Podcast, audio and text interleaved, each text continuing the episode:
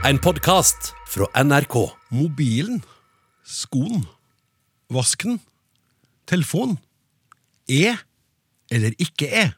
Se, det er spørsmålet.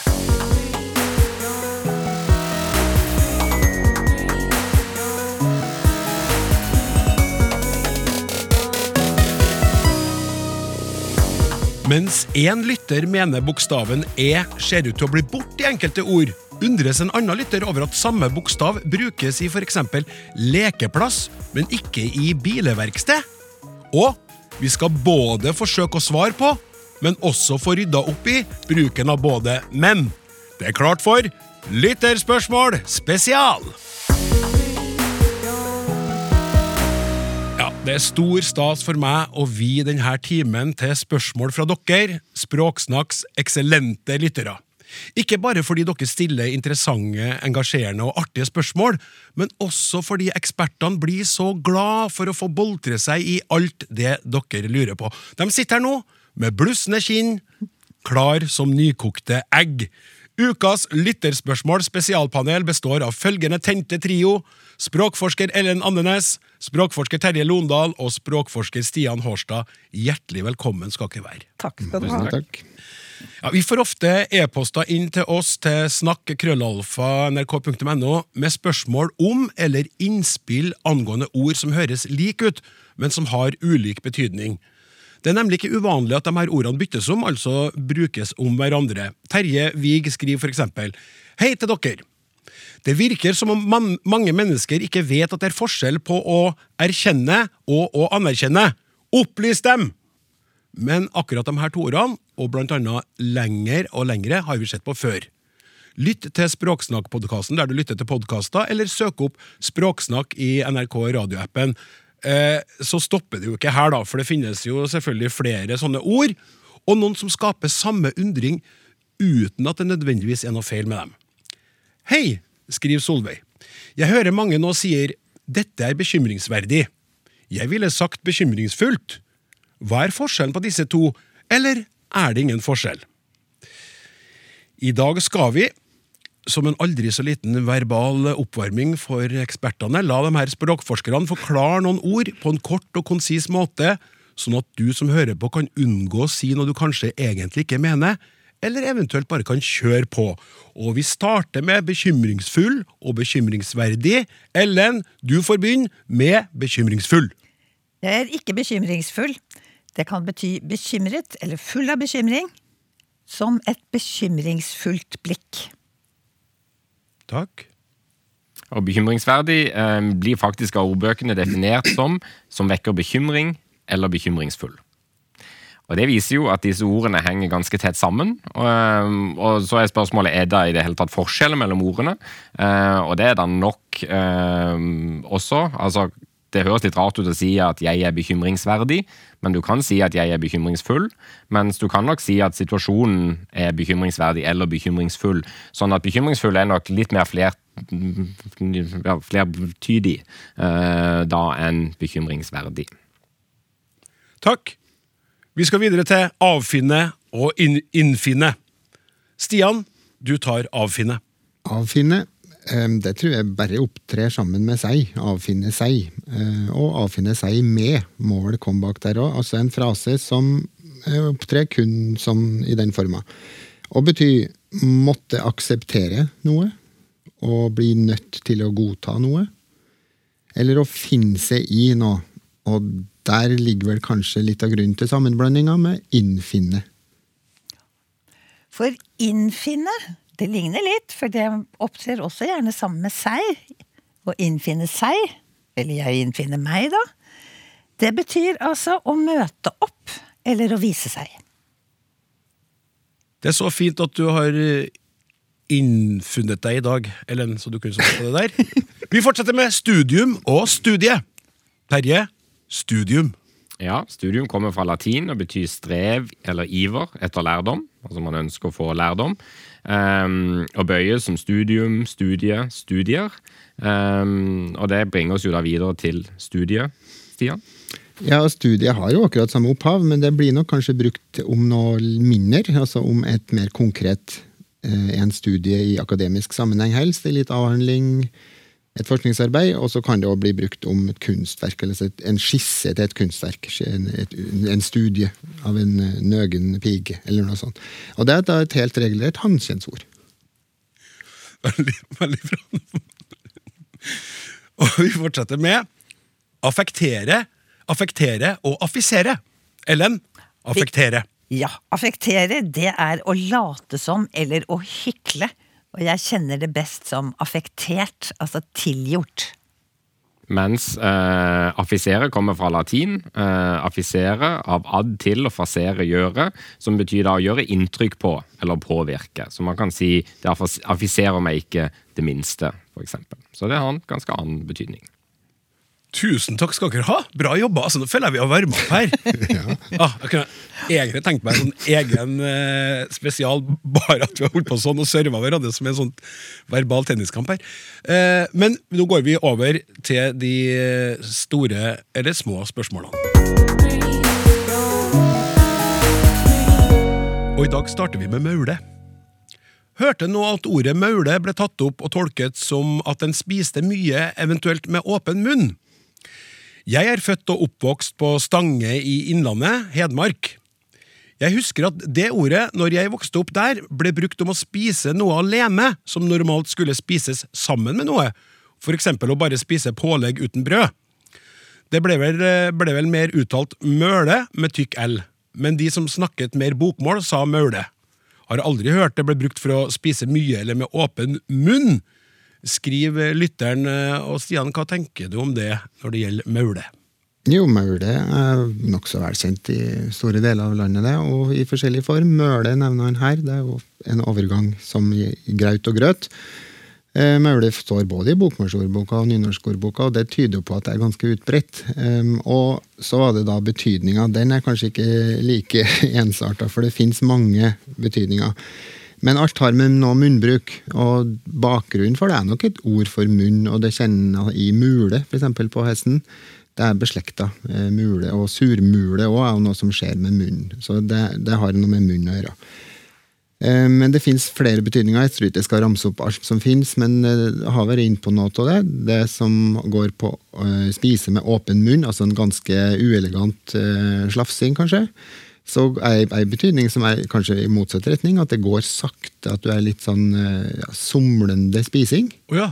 kan, det, er det der òg? Det kan òg bli brukt om det. Eh, Sitte og maule noe igjen, du blir aldri ferdig. Riktig. Og så er det jo det her eh, ja, utvalget av mat. Da, at du et noe som normalt kombineres med noe annet. At du mauler leverpostei, f.eks., som normalt er et pålegg som skal høre til noe. Eller det kan òg bli brukt om at du et det du er mest glad i. Eh, altså at du velger ut eh, indrefileten, kanskje. Og, og mauler indrefilet, ja. og så lett resten ligge. Så det er jo flere mm, sånne ganske nært beslekta betydninger, men alt sammen har med spising å gjøre. Den siste der er jo litt kjiv når du har sånn buffé og servert til mange, og så står det noen mauler i seg alle. Da blir det den minst populære buffébesøkende, ja. ja. Hvis du mauler noe som du absolutt ser på som din favoritt. Så bra. Takk skal du ha. Nå er vi godt i gang allerede her. Vi fortsetter med eh, et spørsmål som du skal få ta tak i, Ellen. Hei sann! Takk for flott program. Er det virkelig sånn at det er mange som bruker bjørnetjeneste i betydning en stor tjeneste? Har hørt dette flere ganger før, på blant annet Språkteigen. Jeg har nettopp fylt ikke mer enn 33 år, og for min del virker dette absurd. Vil tippe at de som tenker det betyr stor tjeneste, bare ikke har hørt uttrykket så mye før, og dermed ikke skjønner det. Da kan det jo for så vidt hende at de begynner å bruke det på en feil, skråstrek relativt meningsløs måte, men det skal vel ikke så lite til før et ord faktisk får en ny mening? Med vennlig hilsen Vidar Flak. Nydelig spørsmål, da. Mm -hmm. Og dette med bjørnetjeneste, det er jo ikke det eneste eksempelet. Så jeg skal si litt først om ord som endrer betydning til det helt motsatte. Det som kalles for pendelord. Og bjørnetjeneste er kanskje i ferd med å bli et sånt, da. Fra å være en tjeneste som virkelig ja, som gjør mer skade enn gagn. til å bli en kjempetjeneste. Og det er rart, da. eh, For de av oss som er vant til den gamle betydningen. Eh, Men for å forstå det, så må man kanskje vite hvor det kommer fra. Altså den gamle fabelen eh, av La Fontaine. Der det var en bjørn som skulle klapse til en flue i ansiktet på herren sin. Og så kom han i skade for å ta livet av han da. Det var en bjørntjeneste i opprinnelig forstand. Så det er liksom den ene veien til å forstå det uttrykket. Og den andre veien er jo, som innsenderen er inne på, altså å høre det ofte på en sånn, brukt på en sånn måte at det er tydelig at bjørnetjenesten gjør skade. Eh, og det har altså denne innsenderen ofte hørt. Men det har jo ikke alle andre. Og hvis man ikke er veldig vant til det, og tenker på for eksempel bamseklem, så er jo det en veldig stor, varm, god klem. Så det er ikke så rart at man da kan be kompisen sin da kan ikke du gjøre meg en skikkelig bjørntjeneste. Eh, andre sånne ord Krokodilletårer, for eksempel. Ja. Ja. Eh, Det, altså, da jeg vokste opp, og jeg er mer enn 33 år, så var det tårer som jeg gråter uten å mene det. Altså at man hykler medfølelse eller sorg. Eh, Og det skal visstnok komme fra middelaldersk folketro om at krokodillen etterlignet babygråt. For for å lokke til seg folk, og så kunne spise dem lett. Ja.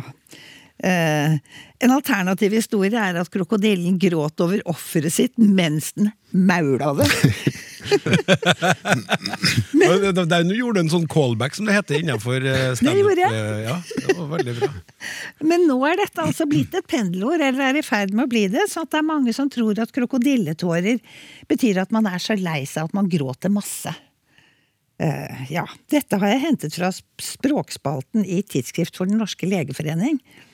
Og jeg skal ikke nå gå inn på det der med at krokodilletårer i medisinen er navnet på et helt bestemt fenomen. Det kan vi la ligge nå. Men det er det, altså. Ja, ja vil du gjerne vite det? Vet du, Det har jeg lyst til at du skal si. Absolutt. Det er altså en tilstand som er Hvor det blir sånn at eh, det ene øyet, men ikke begge, produserer masse tårevæske i forbindelse med at personen spiser. Det kan man se etter operasjoner på ørespyttkjertelen. Yes. Og da er det noen nervefibre som er skåret over under operasjonen, og så er de blitt krysskobla. og det jeg, jeg føler at etter at jeg oppdaget det der, som jeg gjorde i går, jeg kommer til å se meg veldig godt rundt når folk spiser. For dette har jeg lyst til å se. Men altså Fra hyklerske tårer til dypt følte tårer. Eh, Fra tjenester som gjør ugagn, til kjempestore tjenester. Vi har også patetisk, som egentlig betydde gripende og full av sterke følelser, og som nå er litt mer sånn stakkarslig og klein. Eh, sånt skjer altså i språket vårt, eller vi får det til å skje. Og spørsmålet om hvor mye skal det til at ord endrer betydning, det er veldig godt. Nå skal vi høre hva guttene har å si om dette. Jo, det skal noe til. Det, det her, språk er jo et felleseie, da. Så det må nå distribueres, den uh, betydninga som henger på. Og den må da flyte gjennom et språksamfunn, stort eller lite. Og det er jo uforklarlig. Det er jo det store mysteriet som alle som forsker på språklige endringer, ikke egentlig klarer å sette helt fast. Hvorfor skjer det? For det trenger jo ikke å skje. Det, det funka jo fint sånn som det var i utgangspunktet med bjørnetjeneste. var jo et fint uttrykk, det. Så det, det er noen sånne X-faktorer inni her som bidrar til å trekke det over. Og her har det jo gått, da, som Ellen sier, i helt motsatt retning. Men kan det være sånn at, at det er, er er uttrykk som blir så lite brukt en periode òg? At de blir svekka og dermed kan få ny betydning uten at noen sier 'hallo, du bruker det jo helt feil'? At det, at det? Og når du da oppdager at det har bredd om seg, så er det nesten sånn at det har, det har, at det har spredt seg allerede så mye at det er vanskelig å stoppe det. Fordi at vi da, som vet hva bjørnetjeneste egentlig betyr, vi, vi, vi klarer ikke å vinne over denne nye betydninga. Det er for seint. Jeg tror du er inne på noe sentralt når det gjelder at, at det må brukes lite nok, for å si det sånn, da, eh, for at disse tingene skal begynne å skje. For det som da skjer når de ikke brukes så ofte, og man ikke får innprentet denne betydningen som det egentlig har, er jo gjerne at man velger å tolke det bokstavelig. Uh, og Det er jo fellestrekket ved alle disse eksemplene vi egentlig har hørt, i fall de som handler om bjørner og krokodiller. at Vi bruker verdenskunnskapen vår om bjørner og krokodiller til å tillegge det en betydning. Disse ordene som ofte er sammensetninger eller, eller faste uttrykk som består av noen få ord. Og Da blir det gjerne sånn at, uh, at det går i en retning, når ikke man har hørt den spesielle betydningen mange nok ganger. Mm. Og det, Vi må nok høre den noen ganger for at vi skal lære den, rett og slett. fordi at det er ikke gitt, når du bare ser ordene i seg selv, uh, hva betydningen vil være. Nei, vi liker jo veldig godt å tro det, at det er liksom gjennomsiktig. Og det er mange som da vil komme med eksempler på fotball, for eksempel. Det er jo helt gjennomsiktig. Hvis du vet hva en fot er og hva en ball er, så skjønner du hva en fotball er. Men hva er da en tåball? Ja, nettopp. Og så har det litt med tror jeg, eh, hvordan fellestekster eller hvordan læringa skjer. fordi det er jo ikke noe tvil om mange spesielt sånne ordtak som har sin bakgrunn i det som var i lang tid helt sånn felleseie. Bibelen, ikke minst, som er opphav til voldsomt mange sånne Det vet den kanskje ikke De fleste vet kanskje ikke at det står faktisk i Bibelen, mange sånne uttrykk. Og andre eh, Nordahl Rolfsens lesebok, f.eks., som nordmenn i tiår etter tiår møtte i skolen. Og det gjør jo at da har du noen sånne faste, felles holdepunkt. Kanskje er det ikke så samkjørt lenger i dag, og så har helt andre tekster. Det er ikke så mye fellestekster, og da skal det nå til å få overlevert den de uttrykkene som ikke er så gjennomsiktige, da, som Ellen er inne på. For det er jo det som er saken. Du, du skal ha hørt fabelen om bjørnen og sånn da, for at du skal skjønne det her. Og, og det er mulig den sto i lesebok etter lesebok etter lesebok i en periode.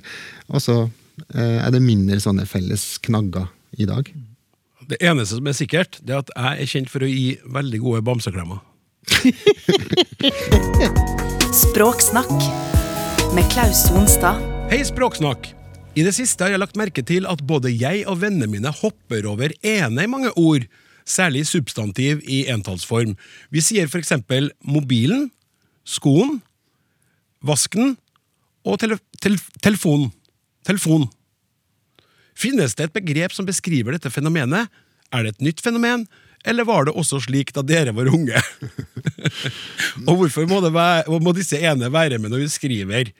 Og det som er litt artig, da, kjære Stine Sætre, som har skrevet inn her, er at uh, han som skal svare på det, han er nok ganske ung, i hvert fall i forhold til oss andre i studio. Terje, vær så god. Takk. Eh, dette er jo et godt og interessant eh, spørsmål. En god observasjon av lytteren at dette fenomenet skjer. Og For å, å, prøve å forstå hva som skjer her, så må vi begynne med å skille mellom uh, tale og skrift. Og Det er jo et skille som den vante lytter av språksnakk er vant til at vi kommer drane med. Uh, men her er det kanskje ekstra relevant uh, i denne sammenhengen. Fordi at skriftspråket har vi regler for. Det er det vi sier normert, og det er styrt etter etter bevisste uh, målsetninger. da. Det har blitt røkta og utvikla gjennom um, hundrevis av år. Talespråket har selvfølgelig også en tradisjon, men det utvikler seg litt friere, som vi ofte um, ser i dette programmet, og som lytterne ofte observerer, fordi at det skjer endringer i talespråket fortere enn i skriftspråket. Og Det er litt relevant for å se på dette fenomenet og de spørsmålene som lytteren uh, kommer med. fordi at uh, Hun har helt rett i at dette ofte skjer i muntlig språk. Mm. At vi dropper dropper det som er trykklette vokaler. Og det er trykklette vokaler som blir redusert i dette tilfellet, eh, i hurtigtale f.eks. Når disse e-ene forsvinner. Um, og um, Helt vanlig, men det er også mye variasjon uh, ute og går, for du må ikke redusere det, sånn som de eksemplene. Du kan si skoen i hurtigtale også, du kan si telefonen, og uh, de andre eksemplene hun brukte, vasken osv. Så det har nok noe med talehastighet å gjøre også, men ikke nødvendigvis bare det. Um, og så har det noe med trykk å gjøre. Fordi Hvis du skal legge trykk på ordet, så blir det veldig vanskelig å produsere disse reduserte uh, formene. Um, F.eks. hvis jeg sier med kontrast nei, det var mobilen, og ikke PC-en, f.eks., så blir det veldig vanskelig å si nei, det var mobilen. Altså, Jeg får egentlig ikke til å produsere et godt ek eksempel. Uh, på stående fot, men et annet et kanskje. Eh, hvis du lurer på hvor noe ble lagt, så kan du si nei, det var i vasken. Og understreke vasken.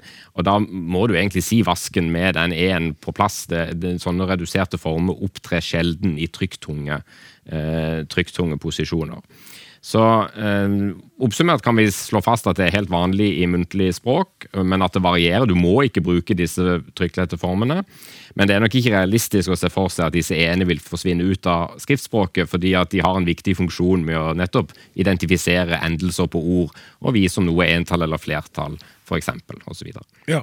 Så Stine, hvis du ønsker deg eh, en verden uten EA i de her ordene, så får du ikke det av Terje, i hvert fall. Men det her spørsmålet fra Stine leder jo veldig fint opp til et nytt spørsmål som jeg sender i din retning, eh, Terje. Eh, hør på det her.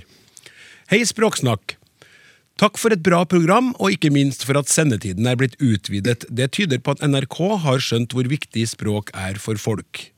Jeg ønsker å ta opp et fenomen som, ut ifra mitt perspektiv som svensk, eller rettere sagt halvnorsk, virker som et typisk særnorsk fenomen, nemlig praksisen med en E mellom ord som settes sammen. Eksempel sykemelding, dyrehage, lekeplass og barneskole. Hvorfor heter det da ikke eksempel bokemål, bileverksted og bussesjåfør? Jeg har hørt at det finnes et begrep innen lingvistikken på dette fenomenet som jeg ikke husker navnet på. Termen viser til at fenomenet oppstår fordi det skal gjøre det lettere å si det sammensatte ordet. Dette må jo være et eh, særnorsk fenomen. I Sverige virker det ikke som det finnes noe tilsvarende behov. Der heter det lekplats og sjukskrivning, og man uttaler det uten problem.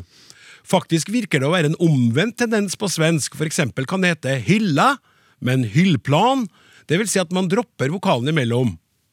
Jeg prøvde å finne et mønster her, men klarer ikke å finne ut av dette. Når opptrer denne binde-en, og når trengs den ikke?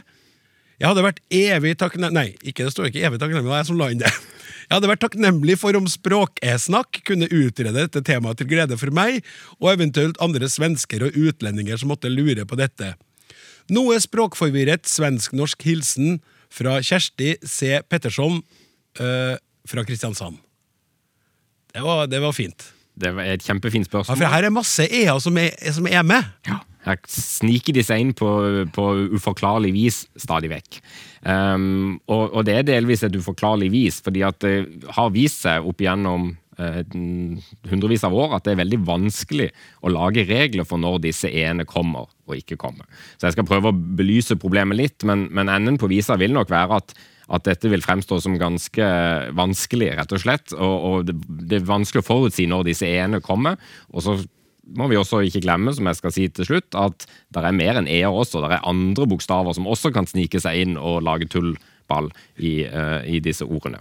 Men vi kan begynne uh, med å slå fast at vi kaller sånne e-er, som hun har identifisert helt riktig, for bindeledd eller fugeord. Altså De binder da sammen to ord som ofte kan være selvstendige. Ikke alltid. Vi har ord som tyttebær. Det er uklart hva tytte eller tytte skal være for noe, så det er ikke alltid at de kan være selvstendige men de kan ofte være det.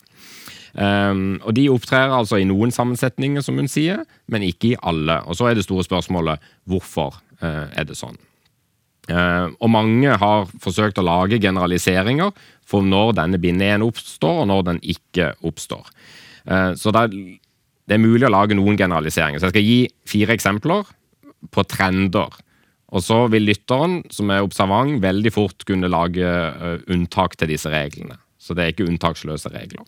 Men her er da eh, noen regler som man også kan finne i norsk referansegrammatikk, som er den mest omfattende grammatikken over, uh, over norsk språk. Og Den første regelen er da, som følger, stålsett dere lyttere, at binde-e forekommer ofte når første ledd i en sammensetning er et enstavet substantiv som ender på konsonant.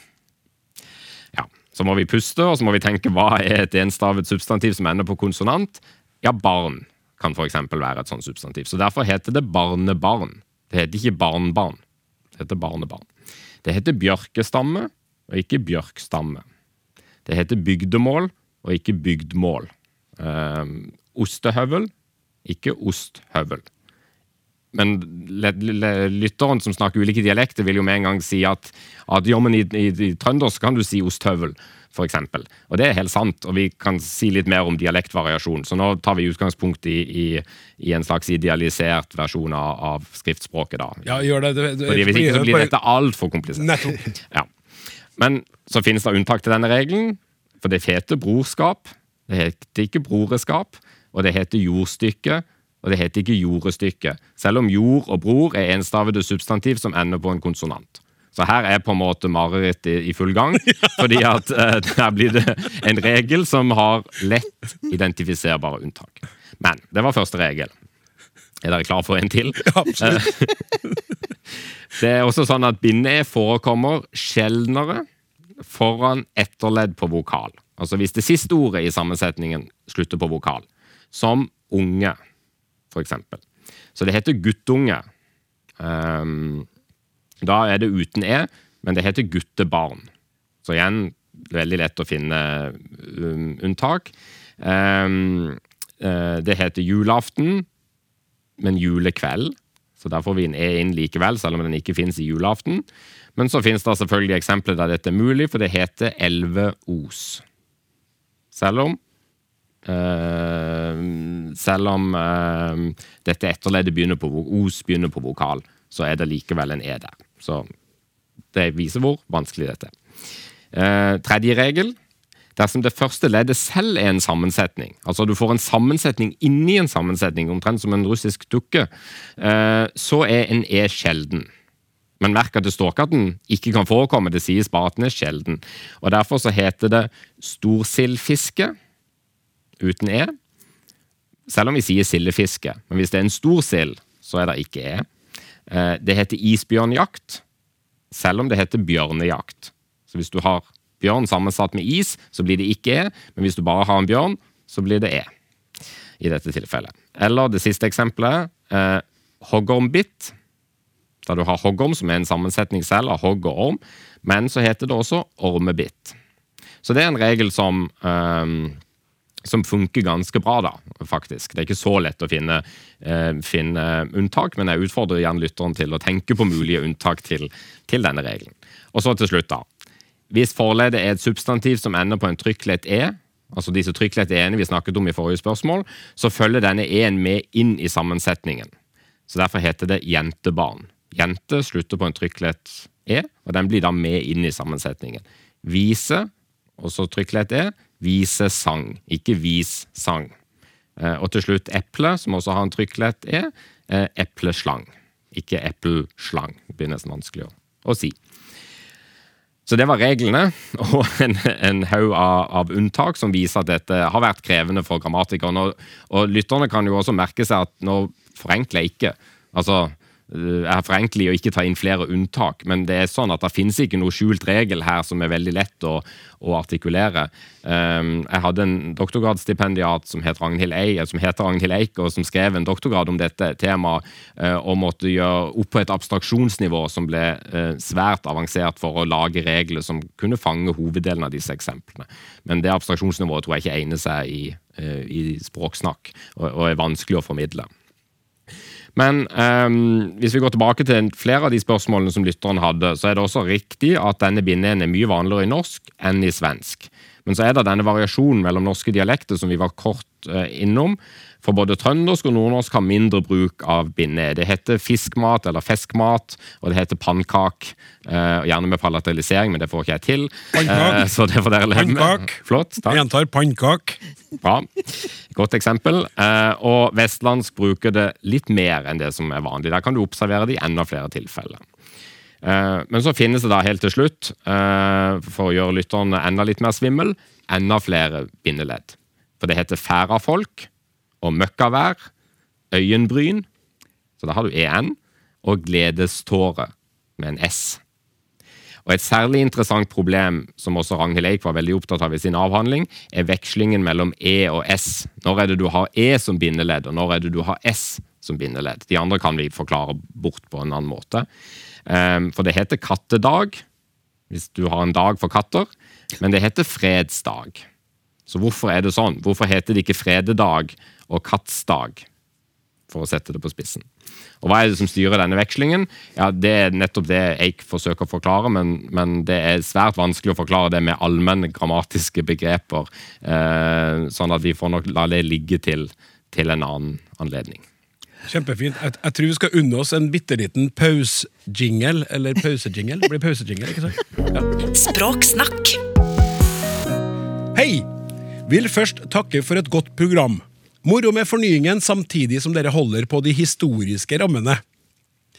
Det fins mange artikler og program om nynorsk og bokmål, men vi hører aldri om riksmål. Det hadde vært interessant å få litt mer kunnskap om historien rundt riksmål, og om dagens bruk, om den eksisterer.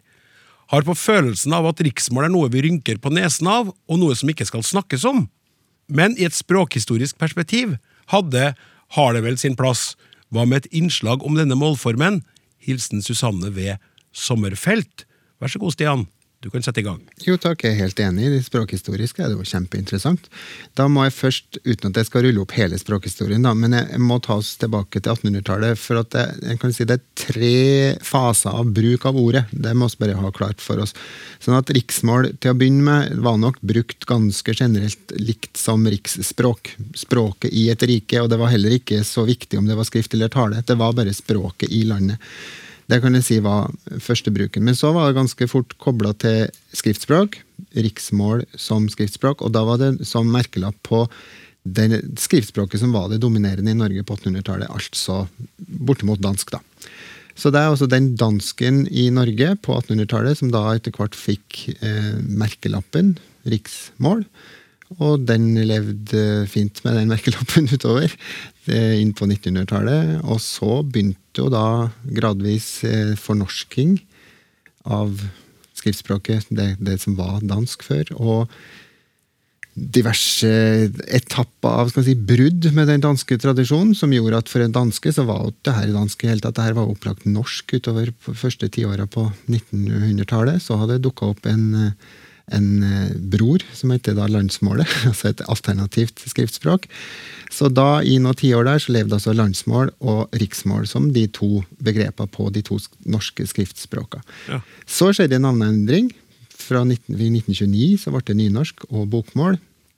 Og da var jo merkelappen riksmål ledig. Da kunne den brukes til noe annet. Og derfor da den begynner å bli brukt om noe som videreføres i dag. Eh, en si, alternativ skriftnorm som i all hovedsak bygger mer på den danske arven. Som en danske ikke vil kalle dansk, altså. Det er ganske viktig at det, det er ganske mange steg bort fra den dansken, men som i større grad holder fast på den, eh, den litterære tradisjonen. altså Det er Ibsen og Bjørnson sitt språk eh, fra den tida. Sånn at utover eh, på 30-tallet så begynner det å bli mer etablert som en slags eh, tredje alternativ, riksmål. Så skjer det da nå i 1938 en ganske omfattende språk- rettskrivingsreform. Og det er nok da kanskje det blir et, et skikkelig tydelig alternativ, riksmål. Da er det jo altså to som er de offisielle skriftspråkene, nynorsk og bokmål, med forskjellige ja, eh, sideformer, klammeformer på den tidspunktet her. Og riksmålssupportere de samler seg nok spesielt som en slags protest mot det som skjer da, i 1938. Så kommer det en krig, og det er ting som eh, står litt på pause. Men det er på 50-tallet så er det riksmålsbevegelsen, Riksmålsforbundet. Det er forskjellige grupperinger som da vil Eh, holde fast på den tradisjonen som riksmålet da har stått i. Men eh, en kan si at eh, utover i etterkrigstida så har kanskje bokmålet i større grad blitt trukket litt tilbake til, til, riksmålet, men det står jo fortsatt som et alternativ til bokmålet. Så kan en se i dag da på hva det er som inngår i riksmålsrettskrivingsnormer og bokmålsrettskrivingsnormer, så finner du nokså få eh, forskjeller. Eh, altså Ting som går an å skrive på riksmål, det går òg an i bokmål. Bortimot over det hele. Det fins noen små forskjeller. Men så er det mange ting som er i bokmålsnorma, som ikke går an i riksmålsforma, så den norma, så den kan du si er snevrere, den er smalere og på mange Strengere? Ja, den er strengere og, og mer konservativ. altså Den er, den er, den er snevrere. Eh, og den kan du òg si samsvarer med mye av det som blir skrevet. Altså hvis du sjekker med verden, hvis du ser på empirien, det som er på trykk i aviser og, og trykte tidsskrifter og, og, litteratur, så er den langt på vei samsvarende med mye av det som er innafor uh, riksmålet. Men den har altså ingen offisiell status. Den blir eh, røkta av et eget akademi. Eh, og den har riksmålsordbok. Den har jo et, et, et, en språk forvaltning og en språkrøkt på privat initiativ. Ganske stor oppslutning, sånn relativt sett. Alle kan nå i prinsippet drive med sin egen språknorm. Det- Sånn, sånn er det jo. Dette er jo Eh, Norge. Dette er jo Norge. Og det kan du jo si fins på, si, på nynorsksida, så fins det jo alternative eh, rettskrivinga for, for nynorsk, da. Eh, men de har nok mindre oppslutning. Så du kan si at det er en, en ganske, et ganske stort alternativ, et ganske klart alternativ, men det har ingen offisiell status. Jeg husker veldig godt da jeg var sånn journalistspire og, og veldig sånn skrivefysen og leste de her fantastiske portrettene til annet Vetle Lid Larsen i Aftenposten. Da var det jo efter. Ja. Og det gjorde veldig inntrykk på meg. At de skrev, og det, på den måten de skrev, det, det, det prega jo hele, hele teksten. Og efter er det jo ikke sånn kjempelenge siden forsvant fra Aftenposten sine sider. Nei. Nei, det tror jeg var med inn på 2000-tallet, kanskje. Eh, Sånn, men det er jo ut nå, da. Sånn Ja. at du, du har ganske få ting i den riksmålsnorma som er nå, som, som ikke fins i bokmål. Så det, det du, kan, du skal skrive etter hvert i ett ord på riksmål. Det må skrives i to år, ord på bokmål. Det vil jeg ikke si er sånne drastiske forskjeller, så du skal lete ganske mye for å finne forskjeller. Men riksmålet har en snevrere norm. De har holdt mer enhetlig på den tradisjonen bakover, men eh, efter og sne er jo ute, det òg, så det er jo absolutt en opp, si, oppdatering eller samkjøring med språksamfunnet rundt. Så det er ikke noe som er, det frosset fast i tid, på ingen måte. Men denne leseren er inne på at eh, det her er noe som det rynkes på nesen av, så har det jo sammenheng med den den språkhistoriske bakgrunnen for, for, for diskusjonen om hva det er som skal ja, hva det er som skal eh, utgjøre kjernen i bokmålet, da, ikke minst. Og det er jo der den kampen fra 30-tallet og, og spesielt 50-tallet, som eh, ofte har blitt ganske politisk eh, ja, farga. Fordi det blir oppfatta at her er det optimalt konservative som henger tilbake til dansketid og, og, og forhistorien. Og så kommer det her si, folkeperspektivet inn i, det, i resten av bokmålet. Det som, det som utgjør bredden i bokmålet. Og, og der, i det der ligger det nok ganske mye ja, harde ord fra begge leirer i forskjellige runder utover. Terje? Og så har jo mye av riksmålet blitt formet, iallfall av de her som har, levd i, bare i nyere tid, eh, formet av disse signalordene efter og nu. Og mange av oss husker jo eh, Kåre Willoch som jo er en av de få som fremdeles bruker dette, eh, iallfall som er offentlig synlig, bruker dette produktivt og sier det fremdeles.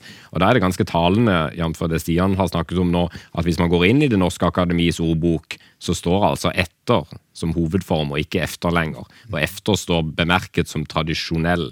Og det er etter som er hovedoppslagsord. Så det har skjedd ganske mye, men det har nok også delvis skjedd fordi at bokmålet har tatt ganske store steg mot, mot riksmålet sammenlignet med en del av reformene på 1900-tallet. Det er jo en veldig dobbelthet i eh, hele den riksmålsbevegelsen. Altså, jeg er jo den eldste her, og jeg husker veldig godt Jeg var barn på 50- og 60-tallet. Og jeg husker jo hvordan dette ble skrevet og snakket om, og jeg husker den fantastiske ABC-en som André Bjerke laget. Han var jo en ordkunstner, da. Så på den ene siden en slags motstandsbevegelse ikke sant, mot samnorsken. Men på den andre siden veldig assosiert med konservative eh, krefter, både generelt politisk og språkpolitisk. Og altså, jeg vokste opp i et miljø hvor eh, på den ene siden, da jeg gikk på skolen, der var det Oslo-dialekt. Mens der jeg bodde, der var det, der var det mye riksmål. Ja. Der var det mye riksmål. Og jeg fikk veldig fort beskjed på skolen om at eh, du snakker pent, og det er stygt. Ok. men, men eh, jeg var òg vitne til at tidlig på 70-tallet da skjedde det virkelig noe med riksmålsbrukerne. Fordi at da var det jo en del eh, eh, unge mennesker som hadde vært ute og studert, hadde vært borte fra hjemlandet sitt i fem år, og som kom tilbake. Og var, altså De snakket sånn som de hadde gjort fem år før, og det var fullstendig lattervekkende. Alle lo. De snakket om hytten på Valdresflyen. Og jeg husker det var ei som gjerne ville ha en gjet i haven. Men det var ingen andre som snakket sånn lenger. Og jeg observerte det også hos foreldrene mine, som hadde liksom lært seg riksmål. De var innvandrere til Oslo begge to. At i løpet av den perioden så var det helt sånn galopperende språkutvikling. Veldig spennende var det. Det var noen A-er som kom inn i bildet, da. Eller det var en A. Ja, det var mangt som kom inn i bildet. Ja. Og det kan vel også si er karakteristisk for den må- riksmålstradisjonen at den har et distanserer seg mer til taledimensjonen. altså Bokmålsprosjektet ble jo mer at det skulle reflektere altså et talemålsmangfold, mens riksmål det var jo et skriftspråk som skulle ha en litterær arv å, å bygge på, og dermed så ja, kan si at da ble avstanden ganske stor. Når voldsomt mange i Norge har tre genus i talemålet sitt, tre kjønn, og snakker om uh, hytta og, og geita, så, så ble jo de her si, danske spora de ble ganske tydelige. altså, de stakk seg ganske mye ut, og i en tid der det ble mer plass for talemålsmangfold, så, så skurra det for enkelte. Men det ga enkelte muligheten til å holde fast da, på den her symboltunge ja, skriftnormer skriftnorma med smak av Ibsen. Og den fins i bruk fortsatt. Du skal få flere lytterspørsmål efter dette.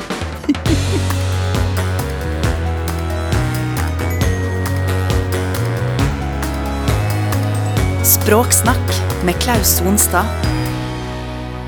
Ja, du hører på Språksnakk lytterspørsmål spesial. Sitt i studio med språkforsker Ellen Andenes, språkforsker Stian Horstad og språkforsker Ter Terje Londal. Og nå skal vi over til et eh, spørsmål knytta til verbing, som vi har snakka om tidligere. Eh, for eh, altså det her å gjøre om uh, ulike ord til verb, så har vi tidligere fått inn ordet mykle for å kline. Uh, det går til våre voksne lyttere som uh, i sin tid leste Agnar Mykle. Eh, sikkert først og fremst sangen om den røde byen. Eh, Sjøl vil jeg veldig gjerne anbefale 'Lasso rundt fru Luna', men det er en annen historie. Eh, en eh, annen lytter har sendt oss det her. Det syns jeg var veldig hyggelig. Hei! Hørte nå nettopp at dere nok en gang var innom begrepet verbing. Det er nok mulig at også Språkteigen i sin tid snakka om det her. Da kom jeg til å tenke på mitt barnebarn, to og et halvt år, som så meg sitte og sy for hånd. Dette hadde hun nok aldri sett før, men hva en nål var, det visste hun øyensynlig. Sitter du her og nåler, du? sa hun. Beste hilsen Anne Aas Tollefsen. Nåler, den, eh, den var fin. Så til poenget, altså spørsmålet. Ellen, det her går til deg. Fint program, lettfattelig og interessant. Likevel stusset jeg da ordet verbe ble brukt synonymt med verbalisere.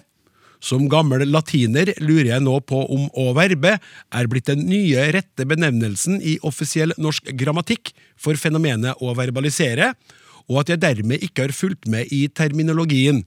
Det faller litt vanskelig. Jeg sier som en gammel høvding i heimbygda mi sa på 1950-tallet. Jeg er konservativ, men følger med tida. Øystein Sunde, Magnor. Ja, vi får se nå da, for det jeg jo ikke vet, det er om denne innsenderen med å verbalisere mener det som er eh, liksom innholdet i eh, vanlig språk, hadde jeg nær sagt, i allmennspråket, nemlig det å altså sette ord på ting. Eller om han mener, sånn som det brukes i språkvitenskapen, eh, verbalisere som å lage verb av substantiv. Og det er jo det siste som har vært oppe i, dette programmet før. Tenker kanskje at han tenker på det? Ja, 7.5. var det. Ja. Og da var det snakk om å verbe som å lage verb av varemerker og produkter, og google og voie og vipse og sånn. Eh, og en av de som var med i den sendinga, har jo skrevet en hel masteroppgave om det. Eh, og verbing av den typen er helt vanlig i alle språk, og ikke minst i norsk. Men jeg vil også ha sagt at jeg bruker verbe til en ting til. Eh, Det er nok mange av lytterne som har vært frustrert over til tider tekster med veldig tunge språklige konstruksjoner, med store klumper av nominaler, altså substantiver og adjektiver og partisippformer og sånn. Substantivsjuka, som det blir kalt. Og det er vanlig i såkalt byråkratspråk, og ikke minst i fagspråk som bruker mye litt sånn, hva skal vi si, klønete og amatørmessig oversettelse fra engelsk. Okay. Som jo er et annet språk med andre regler, så det er ikke bare å gå ord for ord. Eh, og jeg syns også at jeg ser dette ganske ofte blant studenter som skal skrive masteroppgave. Og det tror jeg kanskje er en blanding av at de har aldri gjort det før. Det er en litt høytidelig sjanger, og da blir ofte språk ganske konservativt, og noen ganger litt klumsete. Og så er det det at de leser jo masse faglitteratur på engelsk. Eh, Sånn at da blir språket deres på en måte utsatt for to krefter på en gang, som trekker dem bort fra aktive former av verb. For å si det enkelt. Og sånne, altså det blir klumper, og sånne klumper kan det være veldig vanskelig å få tak i innholdet i. Hva var det egentlig som sto her? Nå skal jeg gi dere et eksempel eh, som- ikke er et eksempel fra noen av mine studenter, men fra en oppgave som ble gitt til, til studenter som de skulle løse. Og den gikk sånn. Diskuter ulike intervjutilnærminger og implikasjoner for hvilken type data som man gjennom ulike kunnskapstilnærminger produserer. Den tror jeg det var mange studenter som ikke skjønte. Og mitt generelle råd, hvis du ikke helt skjønner et tekstavsnitt, eller hvis du ikke får til å lese din egen tekst høyt, så prøv å verbe den. Altså prøv å Prøv å finne ut hvem er det som gjør hva i denne teksten, og sett inn det. Altså oversett den til et språk med bruk av aktive verb. Aller helst til nynorsk, men altså, man kan ikke kreve alt av alle. Men Ellen, uh, unnskyld at jeg spør nå, men eh, altså, verbalisere er det, er det, er, Kan det være det samme som å verbe? Altså, det, var det det du sa? Det kan det være, Ja. men hvis man skal snakke fagspråket, så er det verbalisere. Verbet er en mer uhøytidelig form, og som også brukes om flere ting. Da, som også den type fenomener som jeg snakket om nå. Takk skal du ha. Hei, Klaus og redaksjonen. Mulig dette har vært tatt opp i programmet allerede, men det er noe som er grenseløst irriterende, og det er den nærmest eh, konsekvente bruken av både, men også. Politikere og journalister kappes om å snakke feil. Dette er jo barnelærdom. Hvorfor er det slik, og hva blir det neste? Verken og. Vennlig hilsen Kolbjørn Walderhaug. Og eh, vi har flere her. Hei!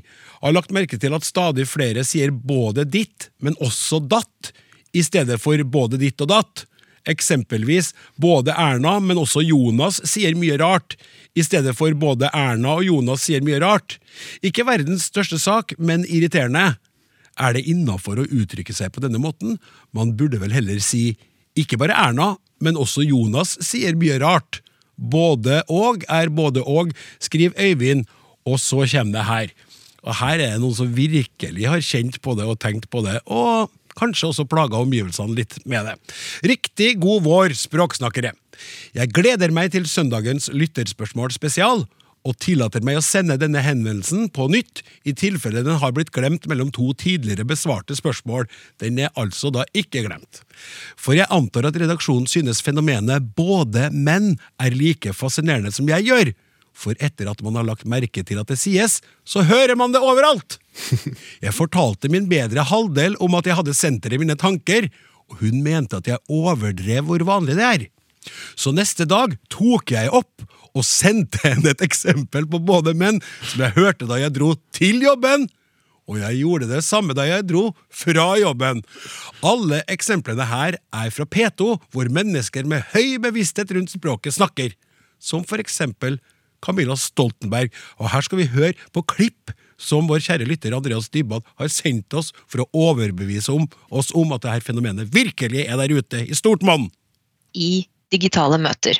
Både for å oppleve at vi tilhører et eh, fellesskap, men ikke minst for at vi kan se hverandre. Og jeg har snakket også legespesialister i Norge. Det er eh, samarbeid internasjonalt. Og eh, vi forfølger både eh, spor knyttet til de kliniske undersøkelsene, men også spørsmål om hvor vaksinen er produsert, hvilke batcher det dreier seg om. Og, og det er kjempeusikre tider. Derfor skulle han gjerne visst mer om hva slags rammer myndighetene setter for festivalene, både når det gjelder økonomi, men ikke minst smittevern.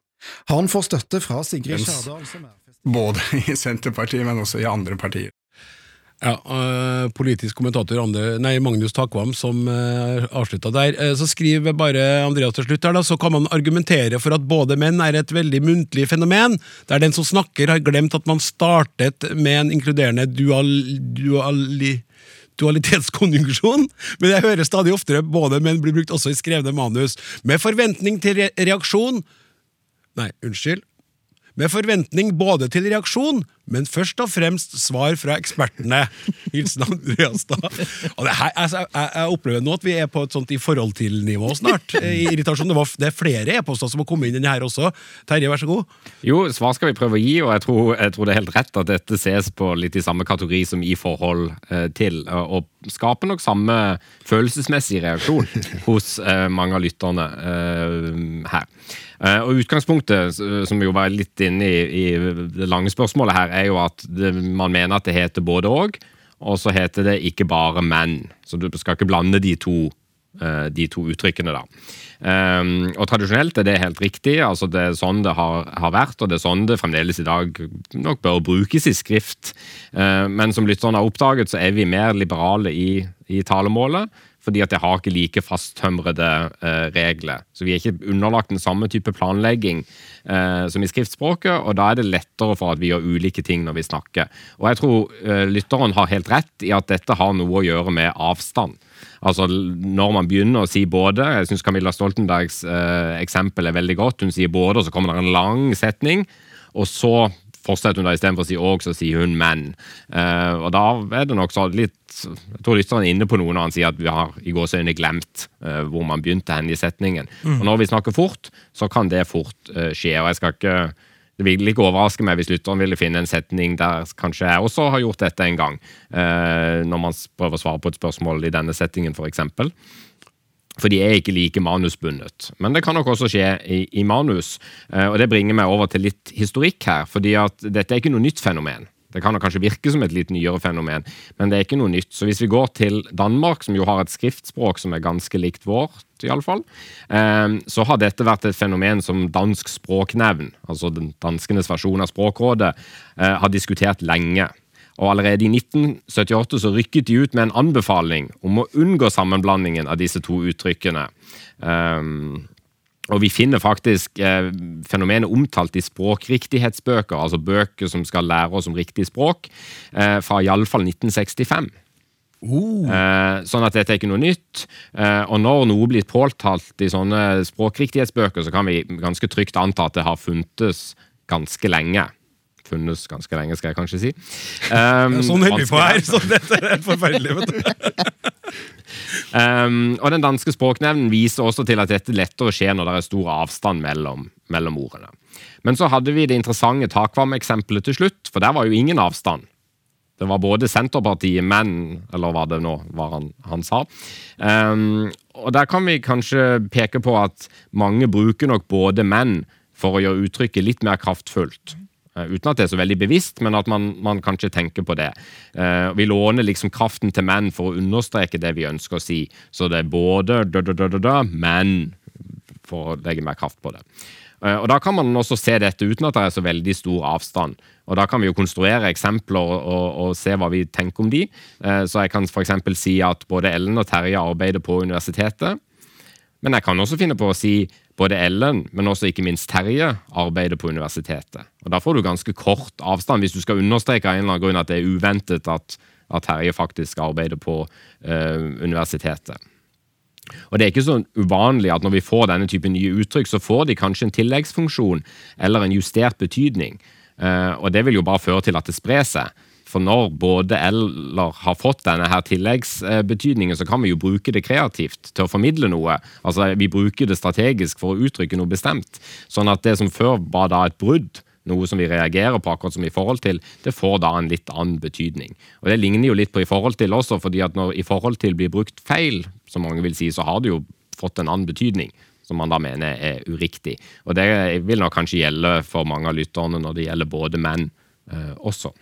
Så, eh, så, nei, ikke noe nytt. Eh, og det, det er nok en fare for at at både lytterne, men også vi, må leve med dette uttrykket i lang tid fremover. Ja, ja. Det, det, er rart med det. Når, altså det er sant, det som Andreas skriver, at når, når, man først begynner å legge merke til det, så er det altså helt utrolig hvor uh, mange steder det dukker opp, og hvor mye det er av det. Ja. Og Sånn er det jo selvfølgelig med alt mulig man er opptatt av. da. Uh, om det være seg en ny bil man har kjøpt og syns man alle andre har den, eller om det er språk man hører på. Men uh, det er altså helt håpløst å tenke å bli kvitt det her, da. Det er ikke noe Vi kan ikke. Det er forbi. Er det noen gang noen som, at dere noen gang tenker at det er interessant å gjøre, sånn som jeg tenker, og andre som lytterne her har lyst til å bli kvitt det? Eller er det det her at nå er det en tapt sak? Det er her. Altså, problemet med å bli kvitt det er jo at det, det opptrer nok enda mer i talemålet. Det er litt vanskelig å finne ut hvor vanlig det er i skrift, rett og slett. fordi at For å søke på dette i store datasamlinger, så er det litt vanskelig når det kan være så veldig mye mellom både og eller potensielt. Så, ja. så, Det er litt vanskelig å finne gode tall på, på, dette, men det er nok enda vanligere i tale. Og tale er jo vanskelig å regulere. Vi sier akkurat hva vi vil, og det finnes ingen fasttømrede regler for hvordan vi skal, skal, snakke. sånn at det er litt vanskelig, Jeg vet ikke hvilken kampanje man skulle begynt, fordi at eh, det er vanskelig å få folk til å være bevisst på i fall noe som har så stor avstand i mange tilfeller mellom seg. Ja, så hørte jeg eh, nyhetsoppleseren her, hadde, eh, mener jeg lest fra et manus, og der var det jo også brukt feil, da hvis man kan si det. ikke sant? Og med ganske kort avstand i en skrevet sånn bulleteng. Men tror altså det, det, at det finnes så frekvent, det viser jo bare hvor nyttig sånne eh, knagger er for å organisere tekst. Ja. For Det er jo det det er snakk om. At du, må, du skal komme med én ting, og så skal du komme med to ting. Så det er alt på den ene side, på den andre side. Både, også, Det trenger oss hele tida, spesielt kanskje i muntlig framføring. Sånn som en nyhets... Selv om man har manus, så skal det her frambringes med kraft og overbevisning, og da må du organisere teksten din, organisere argumenter eller poenger som du kommer med. Så det er ikke så rart at det dukker opp, og da kan man kanskje håpe at en har eh, flere verktøy da, i verktøyskrinet. At en ikke bare griper til både og eller både, både menn hele tida. Men det, det, er ganske høyfrekvente ting, og hvis det da begynner å spre seg at det her er den, den, det, det paret som går an, både menn også, så skal det nokså sterke krefter til for å stoppe det. Men vår bevisstgjøring i programmet her kanskje bidrar litt da, til ja. bevisste valg. Tusen takk skal dere ha, alle tre. Terje Londal, Stian eh, Horstad og Ellen Andernes. Tekniker Martin Vågø, produsent Hilde Håbjørg og programleder Klaus Sonstad tar en liten pust i bakken. Takk til dagens ekspertpanel, og ikke minst tusen hjertelig takk til deg som hører på. Vi snakkes. Du har hørt en podkast fra NRK. Hør flere podkaster og din favorittkanal i appen NRK Radio.